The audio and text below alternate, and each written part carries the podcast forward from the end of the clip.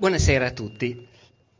Dunque, eh, in questi tre incontri che mi sono stati affidati quest'anno eh, mi allontano un po' da quelli che sono i miei temi soliti e, come dire, è una scusa che devo, è un'excusatio non petita con cui devo cominciare. Io non mi occupo di mestiere di storia del risorgimento, di mestiere mi occupo di storia medievale, con qualche incursione nella storia militare, magari un po' più vicina a noi, ma degli argomenti di cui vi parlerò in queste serate non mi sono mai occupato professionalmente. E gran parte delle cose che vi racconterò in queste sere le ho imparate anch'io nei mesi scorsi preparando queste lezioni. Subito ero un po' incerto se accettare un incarico del genere. Poi mi è sembrato che nell'aria ci fosse comunque voglia di parlare di queste cose. Non mi sembra che ci sia quella gran voglia di celebrare, mi sembra che la macchina delle celebrazioni ufficiali non stia coinvolgendo così fortemente le persone, anche se forse è una mia impressione, ma di parlare, ragionare, capire meglio, conoscere meglio quell'epoca, soprattutto conoscere meglio quella gente e provare a capire perché hanno fatto quello che hanno fatto, provare a capire magari prima di schierarsi e giudicare a priori in base alle nostre posizioni ideologiche. Ecco, di questo mi pare ci sia voglia. Troppe scuse, eh, basta, cominciamo. Cavour, sono tre serate, tre personaggi, i tre uomini che hanno preso le decisioni cruciali in quegli anni a metà dell'Ottocento. Cavour, il re Vittorio Emanuele II, Garibaldi. Per un momento ci eravamo chiesti se non si dovesse metterci piuttosto Mazzini, piuttosto che il re, magari, che è personaggio da diversi punti di vista di statura minore rispetto a Cavour e a Garibaldi, ma il fatto è che questi tre sono i tre che hanno, ripeto, preso le decisioni cruciali che hanno assunto le iniziative decisive o perlomeno che hanno scelto di non impedire certe iniziative e anche quello è un modo di decidere. Mazzini non ha preso nessuna decisione cruciale, Mazzini era un condannato a morte in esilio, un pericoloso terrorista agli occhi di molti e benché la sua influenza sul risorgimento sia ovviamente importante, non è uno dei tre che, ripeto, hanno fatto l'Italia in quegli anni, in quei pochissimi anni. E allora, cominciamo da Cavour. Eh, questi tre incontri sono tutti un po' legati l'uno all'altro. Io non esaurirò il personaggio di Cavour questa sera, tornerò su di lui anche le prossime volte. Non riuscirò questa sera a raccontare tanti avvenimenti. Gli avvenimenti spero che verranno fuori pian piano attraverso l'avvicinamento ai tre personaggi, ai tre uomini. Cavour nasce a Torino nel 1810, suddito di Napoleone suddito francese, nasce in una Torino che è parte della Francia napoleonica. Non è parte di quel regno d'Italia che Napoleone ha pure creato con capitale a Milano, no, no, il Piemonte è stato proprio, come anche altre zone, la Liguria e più tardi anche altri pezzi d'Italia, il Piemonte è stato proprio annesso alla Francia e Cavour nasce a Torino suddito francese. Nasce da una grande famiglia nobile, antica, di origine medievale, non sono poi tante le famiglie nobili di origine addirittura medievale, che però, famiglia nobile, i Benso di Cavour, che però si è rapidamente allineata col nuovo regime francese. Il padre di Camillo, il marchese Michele di Cavour, è uno degli uomini più in vista della piccola corte napoleonica di Torino, perché a Torino c'è una piccola corte. Napoleone, dopo aver annesso il Piemonte alla Francia, ha però deciso, in omaggio proprio a quell'aristocrazia piemontese che aveva fatto abbastanza in fretta a mollare i Savoia e accettare il nuovo regime, ecco, proprio in omaggio a loro, Napoleone aveva creato a Torino una piccola corte mandando a Torino un governatore, il principe Camillo Borghese. Il principe Camillo Borghese e sua moglie, che è poi la sorella di Napoleone, Paolina Bonaparte la bellissima, quella ritratta dal Canova, sdraiata sul canapè, ecco, la più bella donna del suo tempo. Eh, perché vi racconto questo? Perché il marchese Michele di Cavour è uno dei principali cortigiani del principe borghese, è anche un grosso uomo d'affari che fa un sacco di soldi sotto gli anni, negli anni di Napoleone, e quando nasce il piccolo e non si sa ancora come si chiamerà, quando nasce il bambino, che è il secondogenito, nel 1810, a fargli da padrino chiamano proprio il principe Camillo Borghese, governatore del Piemonte. Lui e Paolina, madrina. Ecco perché Cavour si chiama Camillo. Ed ecco perché Cavour per tutta la vita parla meglio il francese dell'italiano. Questa è una vecchia storia si sa che Cavour aveva qualche difficoltà con l'italiano e lui stesso dichiarava apertamente che quanto a scriverlo preferiva scrivere in francese. Non è perché il Piemonte sia una regione più francese delle altre. A volte in Piemonte si coltiva un po' per così, eh, questa idea che il Piemonte sia in qualche modo mezzo francese. E uno dei fatti che si citano a ricordo di questo è proprio il fatto che uno come Cavour era molto più a suo agio col francese che non l'italiano. Ecco, in realtà è una frottola. Il Piemonte è una parte integrante d'Italia, ha sempre avuto una storia strettamente legata a quella d'Italia, ma la generazione di Cavour è nata in un Piemonte annesso alla Francia napoleonica. Cavour nei suoi primi anni è stato educato in una casa dove si parlava francese, anche perché, va detto anche questo, sua madre era svizzera, svizzera francese, e quindi è ovvio che Cavour è stato allevato con il francese come lingua materna. Cavour, fin da piccolo, si dice, dimostra il caratterino che poi dimostrerà da grande. Anche questa è una vecchia storia, quando un uomo diventa celebre è facile che i parenti o i vecchi amici di famiglia si ricordino gli aneddoti che dimostrano che già da bambino in qualche modo l'uomo si vedeva, già era predestinato. E tuttavia, insomma, uno può avere qualche dubbio, ma c'è un aneddoto raccontato da un amico di infanzia che io vorrei eh, ricordare. Ah, piccola parentesi, vi dicevo all'inizio che ho studiato naturalmente per preparare questi incontri su temi che non sono i miei temi abituali. Ovviamente ho usato il lavoro di colleghi. Vorrei citare, perché l'ho usato davvero molto, almeno il bel libro di Adriano Viarengo, Cavour, che è uscito eh, in modo molto, come dire, con grande tempismo proprio quest'anno e che è un libro di straordinario interesse. Ecco, proprio Viarengo racconta un aneddoto riferito da un amico di famiglia. Cavour ha sei anni, Camillo, eh, a sei anni va a trovare i parenti della madre a Ginevra, amatissimi, eh, arrivano nel castello di famiglia in un paesino vicino a Ginevra, il bambino è furibondo perché hanno avuto dei problemi col cambio dei cavalli alla posta, sono arrivati in ritardo. Il bambino furibondo arriva a casa, corre incontro al nonno e gli dice voglio che il, ma- il maestro di posta sia cacciato. Il nonno gli dice, ma io non posso mica far cacciare il maestro di posta. Chi lo può fare? E solo il sindaco lo può cacciare. Voglio parlare col sindaco. Allora il nonno divertito chiama il sindaco, sono tutti amici ovviamente, gli dice ci sarebbe questo metto che vuole un'udienza. Il piccolo Cavour a sei anni va dal sindaco, torna a casa trionfante e appena vede il nonno da lontano gli fa, ebbene, sarà licenziato. Ecco, questo Cavour eh, secondo quelli che lo conobbero, è lo stesso Cavour che poi da grande farà di mestiere il primo ministro e farà l'unità d'Italia. Eh, abbiamo anche fonti ancora più sicure sul fatto che Cavour avesse già da ragazzino un carattere imperioso. La famiglia lo manda all'Accademia Militare. Dai 10 ai 15 anni Cavour, che è un figlio cadetto, ci torneremo subito su questo fatto che è molto importante, studia all'Accademia Militare e nelle sue note caratteristiche viene riportato più volte che è stato punito per l'arrogante rifiuto di obbedire agli ordini, nonché per il tono perentorio con cui si rivolge agli altri, comandando. Ecco. Ora, il personaggio Cavour, al di là del carattere individuale che può essere più o meno pepato in ognuno di noi, ha però un aspetto che è collegato a questa sua imperiosità, e che vale la pena di sottolineare. Io cercherò di individuare una serie di aspetti del carattere e soprattutto dell'azione di Cavour. Sarà sempre ovviamente un quadro incompleto, sono una serie di spunti che propongo. Ebbene, un tratto che si rischia di dimenticare è cosa voleva dire essere un nobile in quella Torino, in quel Piemonte del primo Ottocento. Di Cavour si dice, io questo l'ho raccolto, non so quanto sia vero, che non avrebbe mai dato del tu a un amico che non fosse nobile. Questo può darsi, sarà così, non sarà così. Certo è che nel Piemonte del primo Ottocento, della Restaurazione, in cui Cavour cresce, c'è un'ostilità profondissima fra la nobiltà e la borghesia.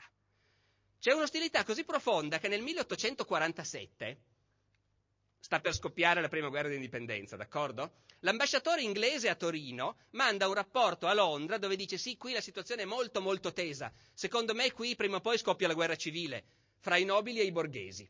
Talmente profondo è il risentimento di queste due classi.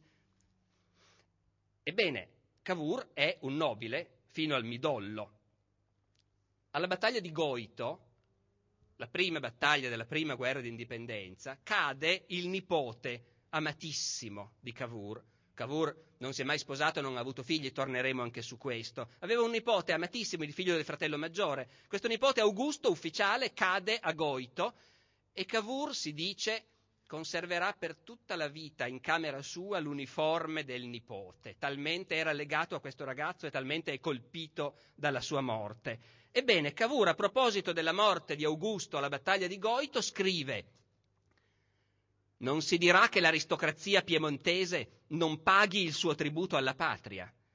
Essa si fa uccidere sui campi, mentre gli avvocati la diffamano nei trivi e nei caffè. Ecco, tanto appunto per questo clima di violenta opposizione fra nobiltà e borghesia, che è il clima in cui cresce Cavour, e tanto per la sua appartenenza comunque rivendicata a questo mondo nobiliare, aristocratico. Tanto più interessante in quanto, a giudizio dei contemporanei, magari malevoli, l'aspetto fisico di Cavour non era affatto aristocratico. Lo conosciamo tutti Cavour, i ritratti, le statue li abbiamo visti tutti. Aggiungete l'abitudine di fregarsi le mani con soddisfazione, che tutti i commentatori del tempo riportano. Ebbene, non è una figura aristocratica. Eh, c'è un commento del Brofferio.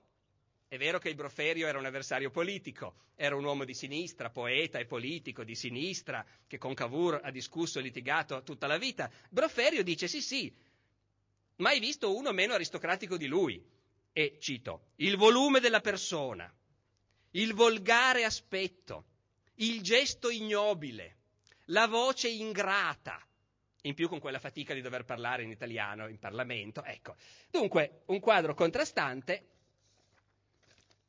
ma in ogni caso un nobile, figlio di una grande famiglia nobile, ma, l'ho ricordato un attimo fa, adesso ci fermiamo un attimo su questo, un figlio cadetto.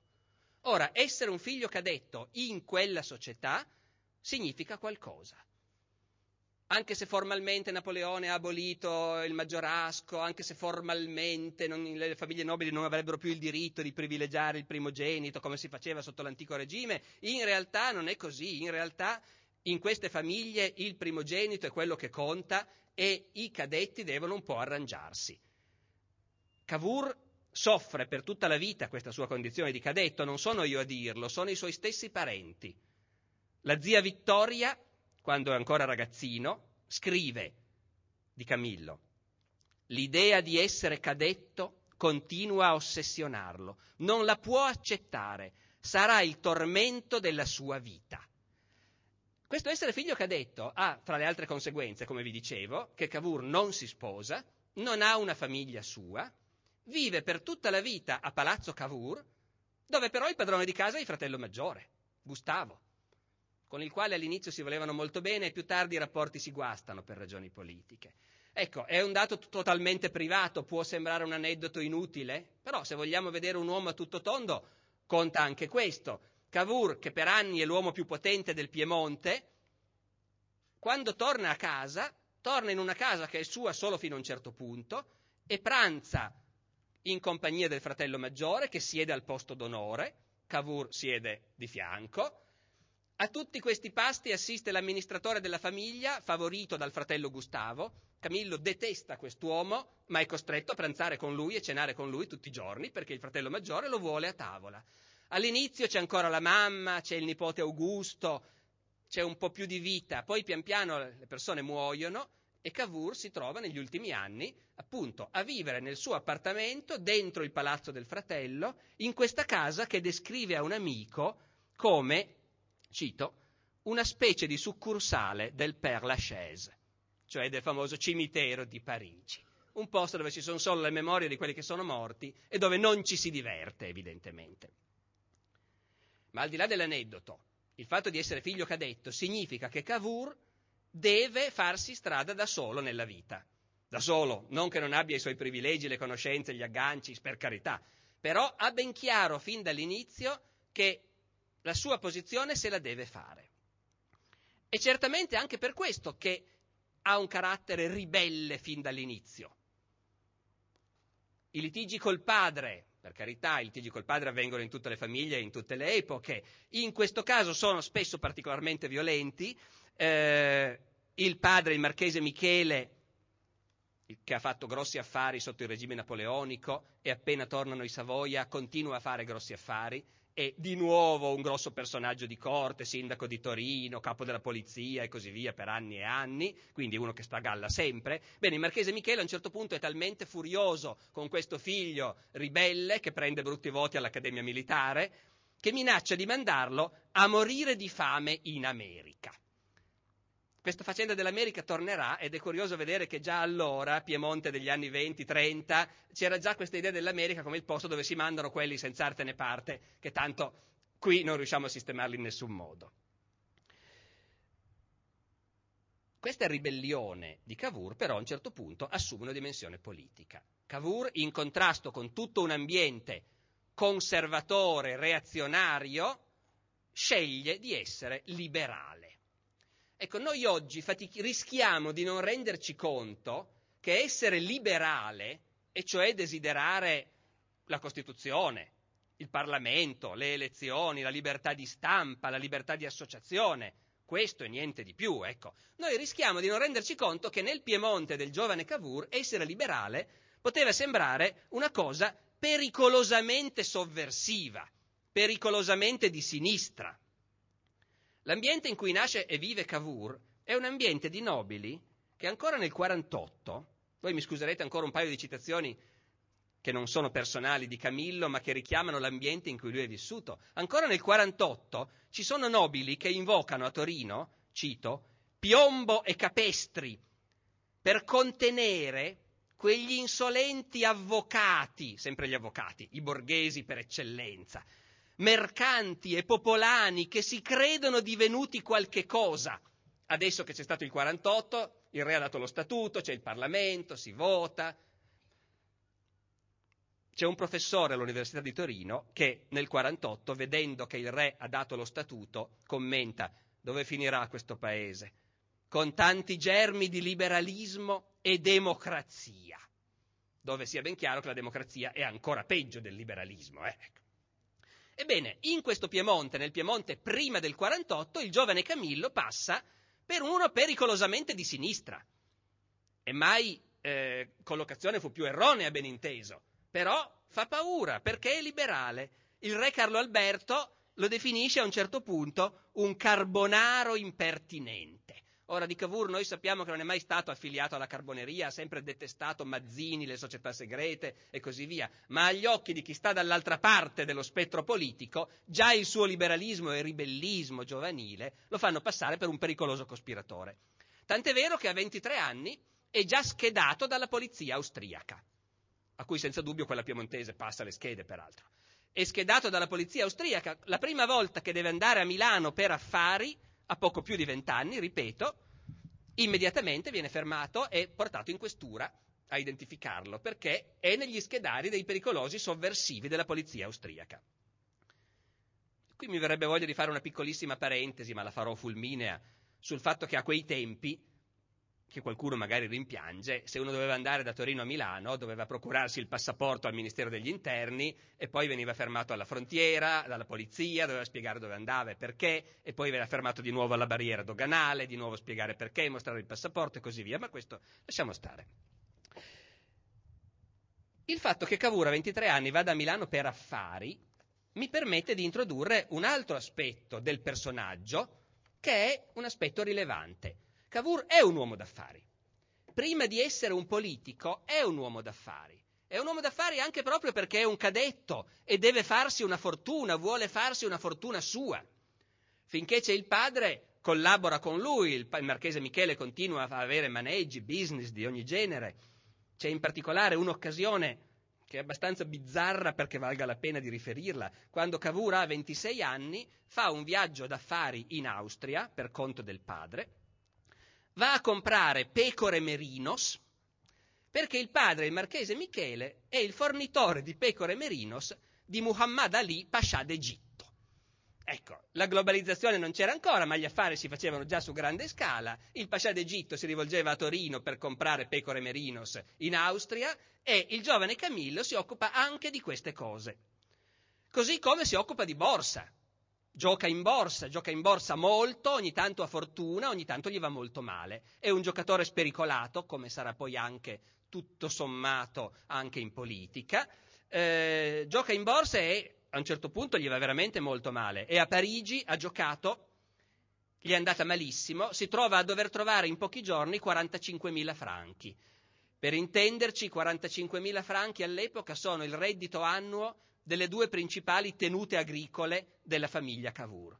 Due grandi tenute a riso nel Vercellese, ricchissime. Ecco, l'intero reddito annuo di queste tenute Cavour se l'è bruciato in borsa con una speculazione a Parigi e da Parigi scrive al padre e questo è molto indicativo dello stile di Camillo, a chi si scrive? Al padre ovviamente, bisogna pagare o farsi saltare le cervella.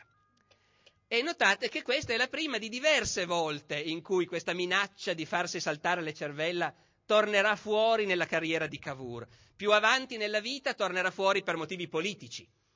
All'inizio invece è per la speculazione andata male in borsa. Ovviamente il padre lo salva, trova i soldi e glieli manda. Ma notate, torno ancora su questo punto per l'ultima volta, Cavour, parrebbe dalla sua corrispondenza, aveva sperato da giovane di farsi rapidamente un patrimonio per potersi sposare.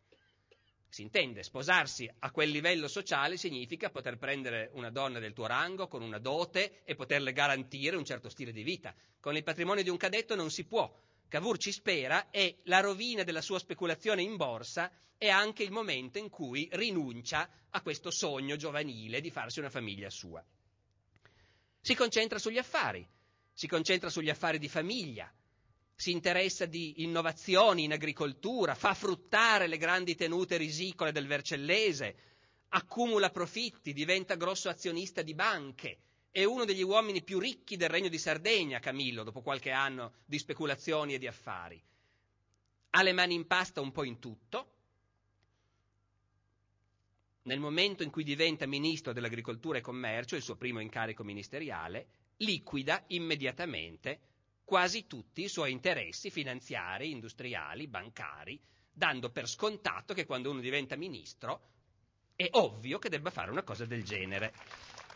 Notate che non è particolarmente contento di farlo. Sia chiaro, non siamo in un mondo di anime belle. Cavour ai soldi ci tiene, alle sue azioni ci tiene, agli affari ci tiene, li fa in modo spregiudicato finché può. Semplicemente vive in un mondo dove è ovvio che quando diventi ministro non lo puoi più fare. Poi ben inteso, è sempre difficile districare tutto. Si tiene una cosa sola, la tenuta agricola di Leri, che è la tenuta amatissima nel Vercellese, dove lui va a rifugiarsi nei brutti momenti, questa tenuta di Leri produce riso e rende. C'è un momento in cui il conflitto di interessi prende anche Cavour nonostante tutto. È un momento in cui lui è al governo e c'è carestia e i prezzi dei cereali salgono e c'è pressione dal basso perché il governo faccia qualcosa e abbassi il prezzo dei cereali. E Cavour non lo fa e ben inteso, lui non lo fa soprattutto perché non ci crede, la sua posizione teorica, economica è che il liberismo assoluto è l'unica cosa possibile, però è anche vero che più alti sono i prezzi dei cereali e più il suo riso del Vercellese rende. E quella è forse l'unica occasione in cui a Torino Cavour è fischiato dalla gente e la gente va a tirar pietre contro le finestre di Palazzo Cavour accusandolo di affamare il popolo.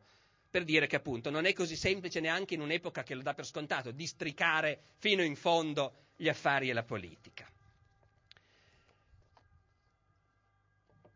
Quello che vorrei sottolineare adesso è che il Cavour, uomo d'affari ed economista, è il punto di partenza della sua carriera politica. È come l'economista più competente del Piemonte, che lui a un certo punto viene chiamato al governo, che a un certo punto diventa evidente a tutti che di un uomo così non si può fare a meno ma non è un economista teorico in senso astratto.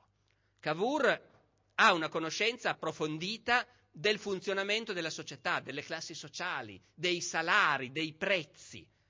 Fin da ragazzo, da ragazzo no, ma da giovanotto ha una conoscenza di queste cose. C'è una cosa significativa, quando Cavour ha 24 anni, il governo inglese si sta preparando a varare una serie di leggi sulla povertà sull'assistenza ai poveri, sul lavoro obbligatorio per i mendicanti e così via, il complesso delle poor laws, come le chiamano. Per varare questo insieme di leggi il governo inglese fa una grande inchiesta in Europa per sapere com'è la condizione dei poveri e degli operai, che sono quasi la stessa cosa, nei vari paesi europei. L'ambasciatore inglese a Torino si rivolge al sindaco, che è il papà di Cavour, chiedendogli delle notizie, delle informazioni sulla situazione degli operai a Torino. Il marchese Michele dice: Ma c'è mio figlio, lui queste cose le sa benissimo. Camillo accetta l'incarico di redigere una memoria che scrive in francese e poi pubblica, è la sua prima pubblicazione, a 24-25 anni, una memoria sulla condizione dei lavoratori in Piemonte, in cui fa un'analisi estremamente realistica e arriva a conclusioni importanti. Per esempio scopre che basta la minima disgrazia perché un operaio sia ridotto in miseria e costretto a contrarre debiti. E poi si pone Cavour il problema se sia possibile per gli operai risparmiare qualcosa. Cavour risponde, ciò mi pare assolutamente impossibile. Ecco, questa consapevolezza delle condizioni di vita delle masse popolari è una cosa che accompagnerà Cavour, che ripeto, lo vedremo ancora meglio adesso, non è certo uno di sinistra, tutt'altro, ma accompagna Cavour e, come dire, dà fondamento alla sua azione politica in più momenti. Nel 1848 scoppia per prima cosa la rivoluzione in Francia. Cade la monarchia, c'è la Repubblica. La reazione di Cavour a questa vicenda è interessantissima. Cavour analizza l'opinione pubblica e scopre che l'opinione pubblica è abbastanza spaventata da questi fatti di Francia. E dice, eppure è strano, perché l'opinione pubblica ormai comincia a essere illuminata, sono tanti i liberali, i progressisti, come mai allora la caduta della monarchia alla Repubblica in Francia ha suscitato soprattutto spavento? E conclude con questa frase memorabile.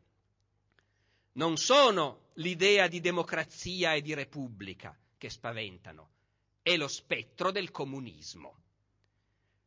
Non so se vi rendete conto, siamo nel 1848, cioè precisamente nell'anno in cui esce il manifesto del Partito Comunista di Marx e Engels, che comincia con la frase un tempo celeberrima, ma spero ancora oggi conosciuta, uno spettro si aggira per l'Europa. Ecco, Cavour è uno abbastanza al corrente di quello che succede, con una capacità di analisi abbastanza sofisticata del mondo in cui vive, da arrivare a questa stessa immagine dello spettro che si aggira per l'Europa nello stesso momento in cui la formulano Marx e Engels.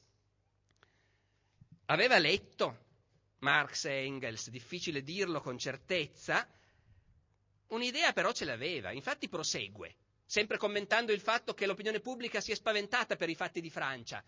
Eppure la democrazia non dispiace troppo ormai a molti, la Repubblica molti ormai l'accetterebbero, ma quel che fa paura è il comunismo. E prosegue.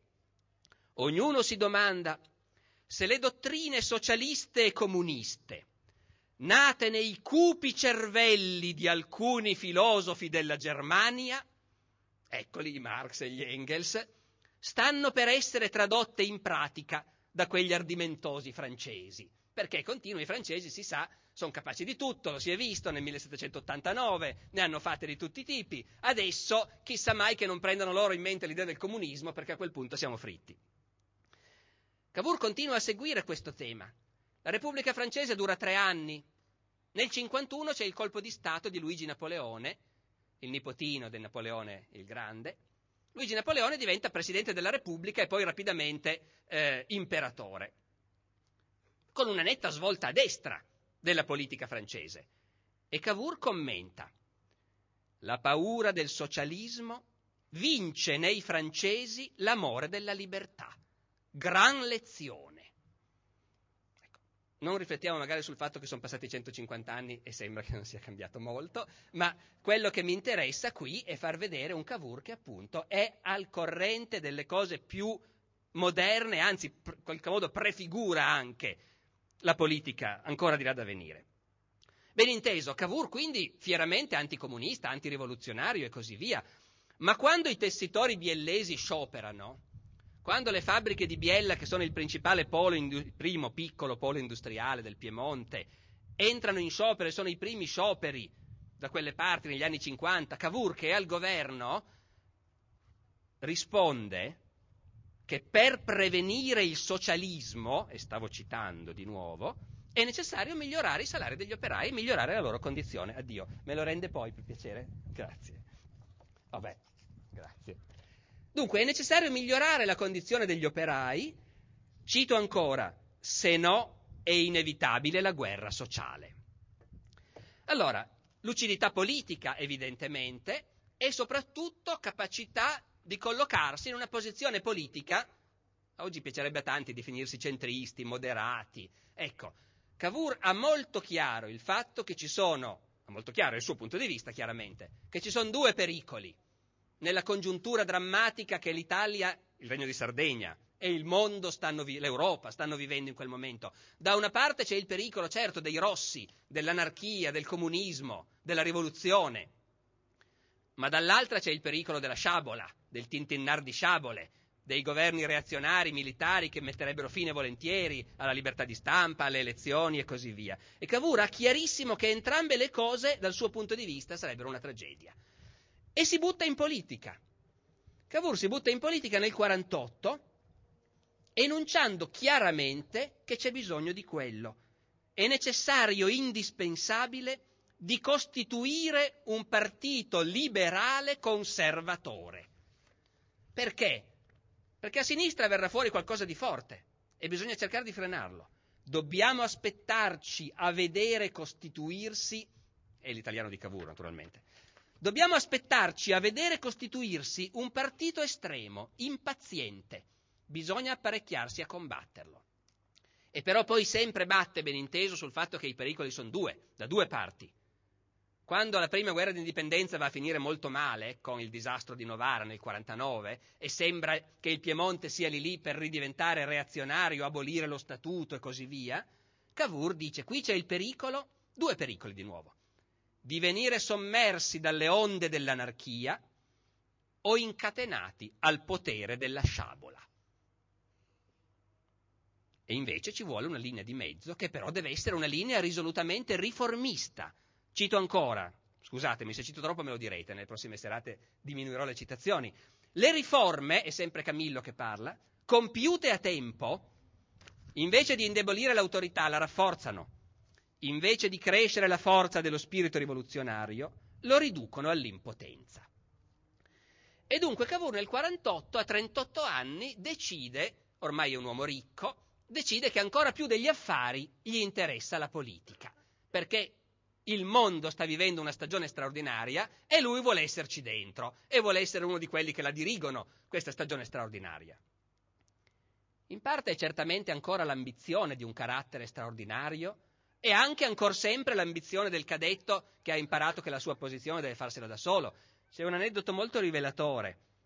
Una lettera di Cavour, torniamo indietro di qualche anno, quando aveva 22 anni, Cavour scrive alla marchesa di Barolo, dicendo, con quel tono che si ha a volte a 22 anni quando si pensa di essere usciti dall'adolescenza, dice io ormai sono disilluso, non è più come quando ero ragazzo, cito, quando avrei creduto del tutto naturale risvegliarmi un bel mattino primo ministro del Regno d'Italia. Ecco, parleremo poi di quanto l'idea di un regno d'Italia fosse plausibile, pens- immaginabile al tempo in cui Cavour era giovane. Molti politici seri, serissimi, avrebbero detto no, figuriamoci, non è nemmeno immaginabile. Cavour a 22 anni si ricorda che lui da ragazzino, quando sognava a occhi aperti, si vedeva non primo ministro del regno di Sardegna, ma primo ministro del regno d'Italia. Dopodiché, appunto, nel 48 decide di entrare in politica per la via del giornalismo. Un'altra intuizione di Cavour è che la politica si fa con i mass media, cosa che fino al 48 non era possibile, perché prima dello statuto non c'era la libertà di stampa. I giornali li controllava la polizia e impediva di pubblicare qualunque cosa che non andasse bene al governo, di conseguenza giornali politici non ne esistevano. La concessione dello statuto a Torino nel 48 vuol dire anche che di colpo nascono un'infinità di giornali, giornali politici. Cavour, che ormai i soldi li ha, si fa il suo giornale che lui dirige e che, di nuovo, con notevole capacità di previsione, intitola Il risorgimento. Siamo appena all'inizio, ma il concetto evidentemente circola già e lui ha già capito che quello è lo slogan cruciale. Dunque Cavour dirige il risorgimento e in quegli anni, in quei mesi, in realtà non dura moltissimo l'intera faccenda, due o tre anni al massimo, eh, si compiace di essere un giornalista, parla di sé come un giornalista, termine che è appena nato all'epoca e che indica in realtà il direttore di giornale, naturalmente dagli occhi di Camillo, non certo l'ultimo articolista. E va alle elezioni. Va alle elezioni del 48 per il primo Parlamento subalpino ed è battuto Non entra in Parlamento, è furioso. Cito ancora da una sua lettera a un amico. Oh dura sorte! Solo tra i giornalisti mi trovo escluso dalla Camera. Dopo aver lavorato nel campo della politica, altrettanto, se non di più, di qualunque mio collega giornalista, sono il solo rigettato dal paese. Va detto che Cavour non è mai stato uno che prende bene le sconfitte. Eh, anche in seguito eh, è uno che tende a reagire piuttosto violentemente alle sconfitte. Eh, per fortuna c'è subito un'elezione suppletiva e viene eletto stavolta. Va in Parlamento e ci resterà per tutti quei 12 anni che gli restano da vivere. 13 nel 48. Dunque entra in Parlamento, ma il Parlamento è soltanto un gradino. Cavour si sente ed è certamente di una statura tale da dover essere chiamato al governo. È l'economista più esperto del regno, oltre a essere uno degli uomini più ricchi del regno, sottolineiamolo, con soldi che si è fatto in gran parte da sé. Invece, dopo la catastrofe di Novara del 49, si fa il nuovo governo d'Azeglio, Cavour credeva di essere chiamato al governo, d'Azeglio non lo chiama. Cavour se ne va a Leri, in campagna, e di nuovo scrive agli amici.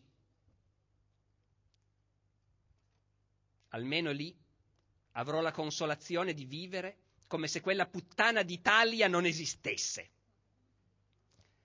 Dove la cosa che non trae più di tutti è l'Italia, però perché lui vuole diventare ministro del Regno di Sardegna. Hanno appena perso clamorosamente la prima guerra d'indipendenza.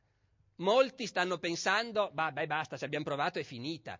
A Cavour è chiarissimo che l'orizzonte della politica è l'orizzonte dell'Italia. Certo, se è così faticoso servire l'Italia, ogni tanto viene voglia di mandare tutto al diavolo. Ma sono crisi che passano rapidamente. Cavour sa molto bene quello che vuole, aspetta il suo tempo. Finalmente, due anni dopo, nel 51, D'Azeglio, commette l'errore della sua vita e lo chiama al governo. All'inizio D'Azeglio è contentissimo, il governo era debole, mancava di individualità forti, uno come Cavour è proprio quello che ci vuole. D'Azeglio scrive, sono contentissimo di aver chiamato Cavour, è un autentico gallo da combattimento, specialità che ci mancava. Io non mi fermerò durante questa serata o quel poco che ne resta sul Cavour politico capace di padroneggiare i parlamenti come vuole, sul Cavour che governa anche quando non è al governo, perché non c'è nessuno nel paese che abbia un seguito delle clientele, le folle che gli vanno dietro, come le ha lui, ecco, non mi fermerò su questo, ma certamente, appunto, è un gallo da combattimento, è un politico di razza. D'Azeglio si illude. Il re Vittorio, di cui parleremo molto più ampiamente domani, ma che facciamo entrare nel nostro racconto adesso, il re Vittorio è più lucido quando D'Azeglio, tutto contento, va a dirgli che ha dato un ministero a Cavour, il re gli dice: Ma come? Ma non vedono lor signori che quell'uomo lì li manderà tutti con le gambe all'aria? Ma parlava in piemontese e disse di peggio, ben inteso. Ecco, il re aveva perfettamente ragione. Già pochi mesi dopo, quando D'Azeglio si riferisce a Cavour nelle sue lettere, lo chiama l'empio rivale eh, Cavour con ogni mezzo si dà da fare, alla fine fa fuori da Zeglio, diventa lui primo ministro ed è il padrone della politica del Regno di Sardegna per un decennio. Il governo di Cavour corrisponde appunto alla gran parte del decennio 1850 ed è un decennio di stupefacente crescita per l'economia piemontese, piemontese, ligure, del Regno di Sardegna. In parte, in gran parte, questa crescita è anche merito di Cavour, nella misura in cui la crescita economica dipende dai governi, ma noi viviamo in un'epoca in cui si dà per scontato che i governi possano fare delle cose, debbano intervenire per sostenere l'economia. Bene, certamente Cavour questo lo sapeva e lo faceva.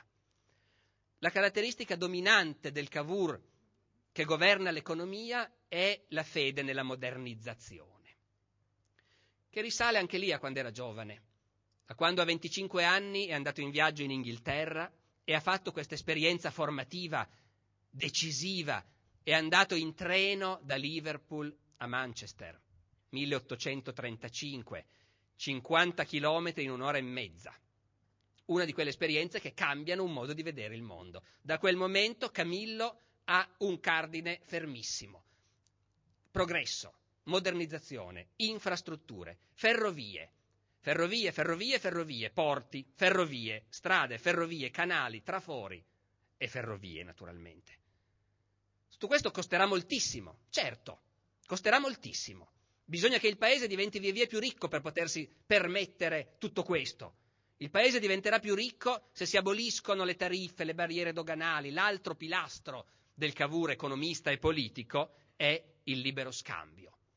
Abolire tutto, lasciar circolare le merci e la ricchezza affluirà da sé. Ebbene, Cavour fa questa scommessa nel momento giusto. Forse in un'altra epoca storica non gli sarebbe andata così bene, ma quelli sono i decenni della grande crescita economica di tutta Europa. E il Piemonte è la parte d'Italia che è meglio attrezzata per le idee di chi governa, intendo, per inserirsi all'ultimo momento in questo colossale movimento di crescita. Gli anni 50 sono un momento sbalorditivo in cui, appunto, si costruiscono ferrovie. Nel 1860 il Piemonte ha una rete ferroviaria che è pari a metà dell'intera rete italiana. Si costruiscono canali, il canale Cavour, tuttora in uso, si aprono i lavori per il traforo del Freius, tuttora in uso, nascono la rete telegrafica, l'illuminazione a gas, nuove banche, la borsa di Torino. Ben inteso, tutto questo avviene anche altrove, dove i governi hanno capito che questo movimento bisogna sostenerlo. Ci sono altre zone d'Italia dove invece questo viene fatto molto meno. I risultati sono spettacolari. La crescita dell'economia del Regno di Sardegna nel decennio di Cavour è sbalorditiva a livelli cinesi, cinesi di oggi. In quel decennio le esportazioni triplicano, il reddito nazionale complessivo si raddoppia in dieci anni. Ben inteso, tutto questo però non si paga da sé. Tutto questo richiede una fortissima capacità di investimento e di spesa da parte di Cavour. E qui va detto che il Cavour, assolutamente liberista, che non crede alle dogane, alle tariffe, ai prezzi imposti artificialmente e così via, però crede fermamente nella spesa pubblica e sostiene negli anni del suo governo una colossale spesa pubblica e dunque aumenta le tasse. Cavour nei suoi anni di governo e di splendore è temuto e odiato anche da qualcuno come quello che sta facendo pagare un sacco di tasse a quelli che prima non le pagavano. Il sistema fiscale fino a quel momento era ancora un sistema di antico regime sostanzialmente basato sulla terra. Chi ha la terra paga le imposte. Le professioni, per esempio, praticamente non pagavano. Cavour fa pagare le tasse agli avvocati, ai medici, ci sarà qualcosa del nobile che tutto sommato conserva un po' di antipatia verso questa gente, questi borghesi, ed è ben contento di far pagare anche loro, chi lo sa, ma certamente in Parlamento c'è chi protesta. E nel paese corrono le canzonette satiriche, che io mi sono chiesto a lungo se avrei provato a accennarvi il ritornello qui, poi ho deciso che non lo farò ed è meglio per voi, tuttavia corrono le canzonette satiriche in cui il ritornello è appunto cacciate fuori scudi, per il magni- viva il magnifico conte di Cavour, il tutto in piemontese si intende. Ora però questa colossale crescita economica non è fine a se stessa. Nella prospettiva di Cavour è evidente che le sfide dell'Italia, della Sardegna, del Piemonte e dell'Italia sono da un lato la modernizzazione economica e dall'altro la liberazione del paese dalle ingerenze straniere, poi anche l'unità, se abbiamo tempo ci arriveremo, ma questo passa un po' in secondo piano, a dire la verità all'inizio. La prima cosa è la liberazione di quelle parti d'Italia che appartengono a potenze straniere, il lombardo-veneto austriaco essenzialmente. Ecco. Da questo punto di vista, Cavour ha ben chiaro che la modernizzazione del paese significa anche un passo in quella direzione. Le ferrovie da sole, per il solo fatto che fanno spostare la gente, sono un passo in quella direzione. Già nel 1845 non è ancora al governo, ha 35 anni, è un economista noto, scrive un articolo per una rivista svizzera in cui dice che le ferrovie favoriranno lo spirito di nazionalità italiana, proprio per il solo fatto che produrranno un incessante movimento di persone in tutte le direzioni, in quell'Italia che in gran parte all'epoca ha ancora strade impraticabili, briganti che le minacciano e così via. Questo articolo è scritto per una rivista svizzera, è un articolo che parla di treni, come vedete, di ferrovie, di ferrovie che favoriranno la nazionalità italiana e il suo sviluppo. Il direttore del giornale svizzero non lo pubblica. Dice, è troppo pericoloso politicamente un articolo del genere. Non ho letto finora niente di più profondamente ostile alla dominazione austriaca in Italia. E dunque veniamo al tema di quello che Cavour ha fatto negli ultimi anni del suo governo. La guerra del 59, l'annessione della Lombardia e poi dei Principati e così via, la nascita del Regno d'Italia e poi il sostegno, vedremo quanto questa parola possa essere adatta, all'impresa di Garibaldi. Per orientarci in quest'ambito, eh, scusatemi, sottolineo ancora che di questo tema parleremo assai meglio domani e ancor meglio dopodomani affrontando la figura di Garibaldi. Qui io potrò cominciare soltanto a fare alcuni accenni su questo. Per affrontare questo tema io mi sono fatto l'idea che è fondamentale avere chiari i due livelli di obiettivi che i liberali italiani si ponevano all'epoca. L'ho già accennato prima, ma diciamolo di nuovo. C'è un obiettivo su cui tutti sono d'accordo. Il paese, per progredire, deve essere libero, non ci devono essere parti dell'Italia che appartengono a imperi stranieri. Essenzialmente vuol dire una cosa sola, il Lombardo-Veneto, fuori gli austriaci. Su questo i liberali italiani e a maggior ragione i democratici sono tutti d'accordo. L'altro problema è diverso. È il problema se un giorno sarà possibile un'Italia unita. Un'Italia unita vuol dire naturalmente che tante piccole dinastie dovranno essere fatte sparire, che tante piccole indipendenze andranno abolite per creare un paese unito. Questo secondo punto è nell'aria, se ne parla, gli appassionati ci credono, ma la gente coi piedi per terra come Cavour per molto tempo non ci crede affatto. Ancora pochissimi anni prima che tutto precipiti con l'impresa di Garibaldi e che si arrivi davvero all'Italia unita, Cavour a un certo punto, in un congresso in cui si discute di queste cose, dice apertamente che l'idea dell'Italia unita è una corbelleria. Ben inteso, non che non sia una cosa desiderabile. Questo è lo stesso uomo che da ragazzino diceva che sognava di essere il primo ministro del Regno d'Italia. Tutti dicono in teoria sarebbe desiderabile, ma il realismo politico sembrava imporre di andarci cauti. Quanto invece a buttare fuori gli austriaci, su questo certamente se ne può discutere.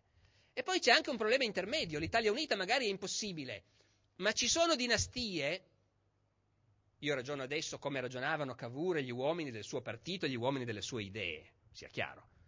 Ci sono dinastie in Italia che sono comunque impresentabili, che hanno una tale immagine all'estero che è impossibile pensare di continuare così, in particolare quella borbonica nel Mezzogiorno. La dinastia borbonica è universalmente ritenuta in tutta Europa così arretrata, reazionaria, impresentabile, ripeto, per opinione comune di tutti i governi, i giornali, l'opinione pubblica, che il problema di in qualche modo liberarsi dei Borboni è assolutamente presente anche a Cavour, anche nel momento in cui però l'idea poi di unificare dopo l'Italia sembra assurda. E allora qual è la soluzione? Il fatto è che ancora in quegli anni, gli anni fra la prima e la seconda guerra d'indipendenza, la diplomazia europea ragiona ancora abbastanza in termini vecchi, nei termini di quella politica dinastica che si faceva nel Settecento.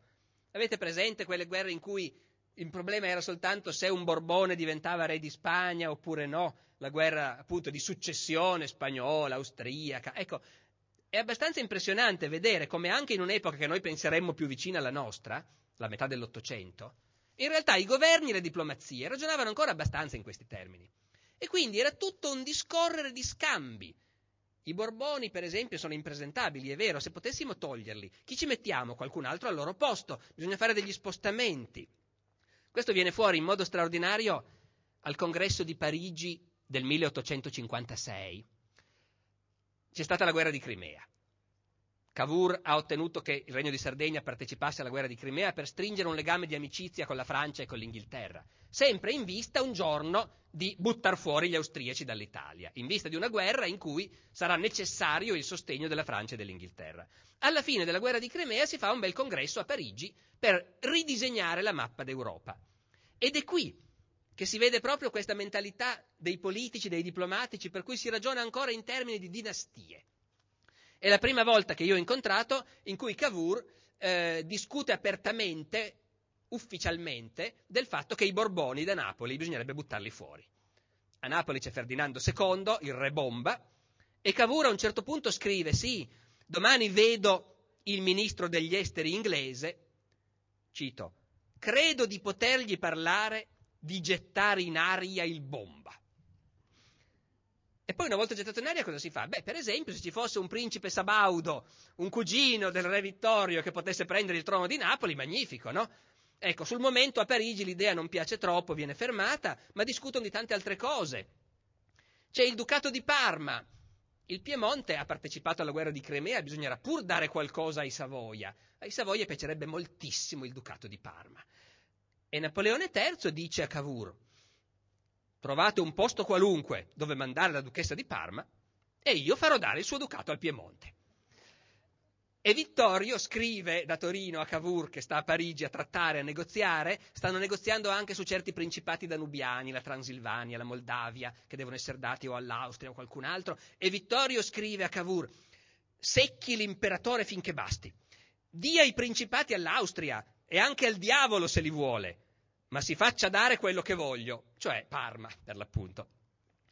Poi alla fine non va in porto niente, Parma non la ottengono, eh, bisognerà aspettare il 59-60, ma è per far vedere come queste diplomazie si muovono ancora molto a livello, appunto, di dinastie, di una politica dinastica.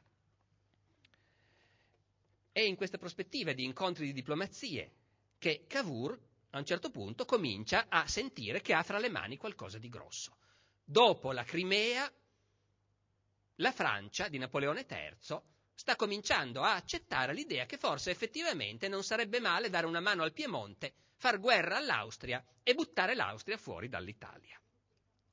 Nel 58 i colloqui sono ormai abbastanza approfonditi, per cui Cavour è ormai abbastanza sicuro. Napoleone III si è compromesso, gli ha scritto, gli ha detto va bene, facciamolo. Cavour scrive al ministro della guerra, la Marmora, prepara i cannoni. E l'anno prossimo andremo in parata a Milano, se non a Venezia. Dopodiché c'è uno dei momenti più drammatici della carriera di Cavour, perché alla fine del 58 Napoleone III cambia idea. Non è più convinto di questa guerra contro l'Austria, comincia a dire che sarebbe meglio risolvere tutti questi litigi con un bel congresso, invitare gli austriaci a discutere con loro, e intanto disarmare gli eserciti, che è quello che gli austriaci chiedono. Quando Cavour si rende conto che tutto il progetto sta cominciando a sgretolarsi, si sente finito, perché si è compromesso fino in fondo in questa idea di fare la guerra all'Austria con l'aiuto dei francesi. La reazione di Cavour è molto indicativa. Uno, minaccia di andarsene in America. E due. E poi quando sarà in America dice, io qui ho tutte le lettere di Napoleone III, in cui mi diceva sì, facciamolo, guarda che vado in America e poi rendo pubbliche le trattative e voglio vedere la faccia di Napoleone III a quel punto. I francesi sono lì che non sanno bene cosa fare, il momento è molto teso, eh, c'è da perderci la testa e infatti Cavour scrive a un amico proprio questo, dice è difficile non perdere la testa, me la tengo di quando in quando con le mani perché non fugga. Finalmente tutto sembra perduto, Viene a svegliarlo l'ambasciatore francese, gli dice non c'è niente da fare. L'imperatore Napoleone III ha deciso che la guerra non la vuol fare, che vuol fare il congresso. Cavour salta sul letto. Ora non mi resta altro da fare che spararmi un colpo di pistola e farmi saltare la testa. E due, ce ne sono altre, ma insomma. Eh, però sono momenti di scoraggiamento e io li cito non solo perché è divertente vedere insomma, le reazioni così emotive di un uomo che a prima vista potrebbe sembrare così freddo a guardare i suoi ritratti e che invece era chiaramente un uomo fortemente passionale, violento, ecco. Eh, e le cito anche per far vedere che quest'uomo è stato più volte sul punto di disperare e giocava una, una partita politica di una difficoltà estrema e però si è sempre ripreso è sempre prevalso alla fine l'entusiasmo, l'entusiasmo anche gioioso, la certezza che ce la facciamo. Gli vengono a dire che l'Inghilterra, pure l'Inghilterra è contraria. E lui qui ha uno scatto. Non ci sarà Inghilterra che possa impedirci di andare a bruciare Vienna. Noi metteremo il fuoco all'Europa. Ecco, forse il vecchio Carlo Alberto che diceva sì, un carbonaro impertinente, insomma qualcosa aveva colto. Eh, a forza di insistere, a forza di tener duro, di tenersi ferma la testa con le mani perché non voli via, Cavour, a forza di ricattare, Cavour riesce a convincere Napoleone III che ormai non può più tirarsi indietro, che questa guerra all'Austria bisogna farla e dunque la guerra si fa. Io qui però vorrei, sto arrivando alla fine, ben inteso, eh, lo dico per gli organizzatori che saranno già preoccupati, ma vorrei sottolineare ancora un aspetto. Finora noi parliamo del Cavour politico che tratta con Napoleone III, che tratta con i ministri, parliamo di una politica fatta in apparenza sopra le teste della gente. In realtà non è così. Questa è la politica di gabinetto fatta dai politici, dagli uomini, fatta dagli uomini di potere, che in ogni epoca esiste naturalmente e che noi storici oggi possiamo raccontare quando si tratta dell'Ottocento, perché abbiamo le lettere, abbiamo i diari. Gli storici del futuro racconteranno la politica di potere degli anni 2000, perché forse avranno le lettere e i diari dei potenti di oggi. Ma al di là di questa politica di gabinetto, la politica della trattativa, del negoziato, dell'intrigo, del ricatto, della complicità e dei disegni colossali che però ne vengono fuori, c'è l'opinione pubblica, ci sono le masse, ci sono i giornali che in un paese liberale come il Piemonte di allora continuamente seguono l'azione del governo, la denunciano, la criticano, c'è il Parlamento dove bisogna andare a rispondere e c'è, ripeto, l'opinione pubblica e i popoli. È un tema delicato quello di quanto i popoli siano stati coinvolti nel risorgimento, però io qui vorrei citare soltanto una battuta di Cavour quando appunto si tratta del fatto che ormai si è suscitata questa idea che si farà la guerra all'Austria e c'è evidentemente un entusiasmo popolare per questa idea, e gli dicono no, non si fa più. E Cavour dice, io non posso trattare le popolazioni come le comparse in teatro e farle uscire o entrare a capriccio. E dunque al di sotto dei politici che tramano le popolazioni ci sono. E come? E dunque la guerra si fa, si vince e poi di nuovo c'è apparentemente una catastrofe inattesa. La guerra si è vinta, sono entrati a Milano, hanno sconfitto gli austriaci a Magenta, poi a Solferino e San Martino, si potrebbe continuare, Garibaldi ha quasi conquistato Trento e invece Napoleone III decide stavolta sì, che adesso basta però che non ha più interesse politico a continuare, che gli basta aver indebolito l'Austria, aver rafforzato il Piemonte, ma basta la Lombardia, il Veneto non c'è nessun bisogno di aggiungere anche il Veneto, e quindi Napoleone III firma l'armistizio di Villafranca con l'Austria. E il re Vittorio, anche se poi dirà che lui c'era rimasto malissimo, però di fatto anche lui dice sì dai ci fermiamo, abbiamo già fatto un bel boccone, può bastarci. Quando Cavour viene informato di quello che è successo, se non muore in quel momento è un miracolo. Si precipita dal re e c'è una scena famosa, una scenata famosa tra Cavour e il re, in cui quando Cavour esce, quelli che lo vedono hanno poi testimoniato che sembrava quasi uscito di senno. E il re Vittorio ha poi riferito che durante quella scenata Cavour, il suo primo ministro, eh, ha preso a calci le sedie, lo ha chiamato traditore, e peggio, Cavour al re, per aver accettato l'armistizio, ha minacciato di dimettersi e ha anche detto se un ministro deve sapere quando è ora di dimettersi, un re deve sapere quando è ora di abdicare.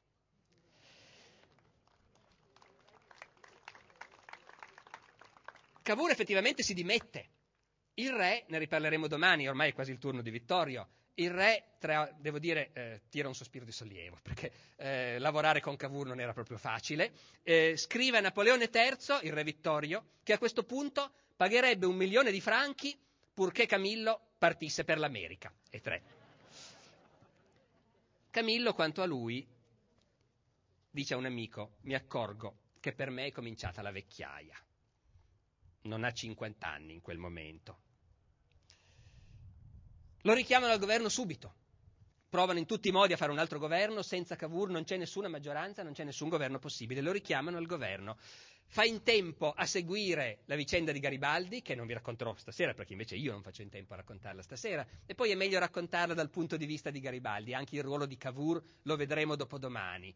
Fa in tempo a vedere Garibaldi, a vedere con grandissima sorpresa che sta andando tutto bene, fa in tempo a vedere l'Italia unita, poi gli viene una strana febbre, all'improvviso, nessuno sa bene cos'è, una febbre altissima, per qualche giorno. Oggi si dice che sia malari, che sia stata un attacco di malaria, forse presa nelle sue risaie del Vercellese. Eh, lo riesumeranno fra poco, credo, per eh, esaminare i resti e vedere se effettivamente questa ipotesi è attendibile. Certamente gli viene una febbre tremenda e in pochi giorni muore, a 51 anni. E sulla morte di Cavour io vorrei citare due testimonianze dell'epoca, voi mi scuserete. La marchesa d'Azeglio, che scrive al figlio, che non è a Torino, si piangeva ovunque.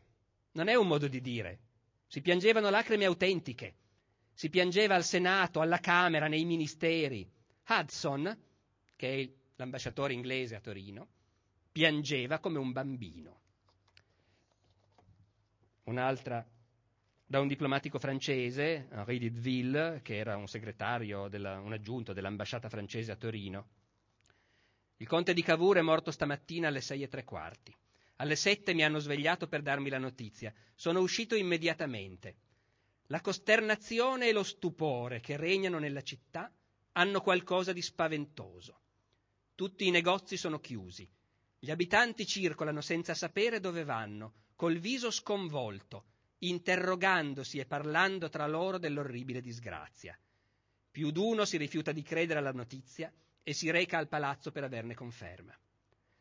All'una la Camera e il Senato si sono riuniti per ascoltare la comunicazione del governo. Il ministro dell'Interno, Minghetti, è scoppiato in lacrime annunziando la morte del conte Camillo di Cavour, presidente del Consiglio. Moltissimi deputati piangevano. Uscendo dalla Camera ho incontrato Sir James, e sempre Hudson, il ministro inglese, che mi ha stretto la mano senza pronunciar parola. Piangeva a calde lacrime. Ecco, io vorrei concludere riflettendo su questo mondo, su quest'epoca in cui si piangeva, in cui un ministro degli interni non aveva paura di piangere in Parlamento dando una notizia come quella, in cui un ambasciatore di Sua Maestà britannica non aveva paura di piangere davanti a un diplomatico francese per la strada di fronte a una notizia come quella. Sotto quell'aspetto erano uomini che avevano un'emotività diversa dalla nostra. Io non ricordo di aver visto primi ministri piangere oggi, anche dando le peggiori notizie. Erano diversi da noi e noi quando cerchiamo, quando pretendiamo di capirli, pretendere di capirli è giusto, cerchiamo di capirli e magari pretendiamo anche di giudicarli Ebbene, dobbiamo ricordare che sotto questo aspetto almeno erano diversi da noi. Avevano un'emotività diversa dalla nostra, questi uomini che hanno vissuto e che hanno fatto il risorgimento. E a me ogni tanto dispiace un po' che noi oggi non siamo più come loro. Grazie.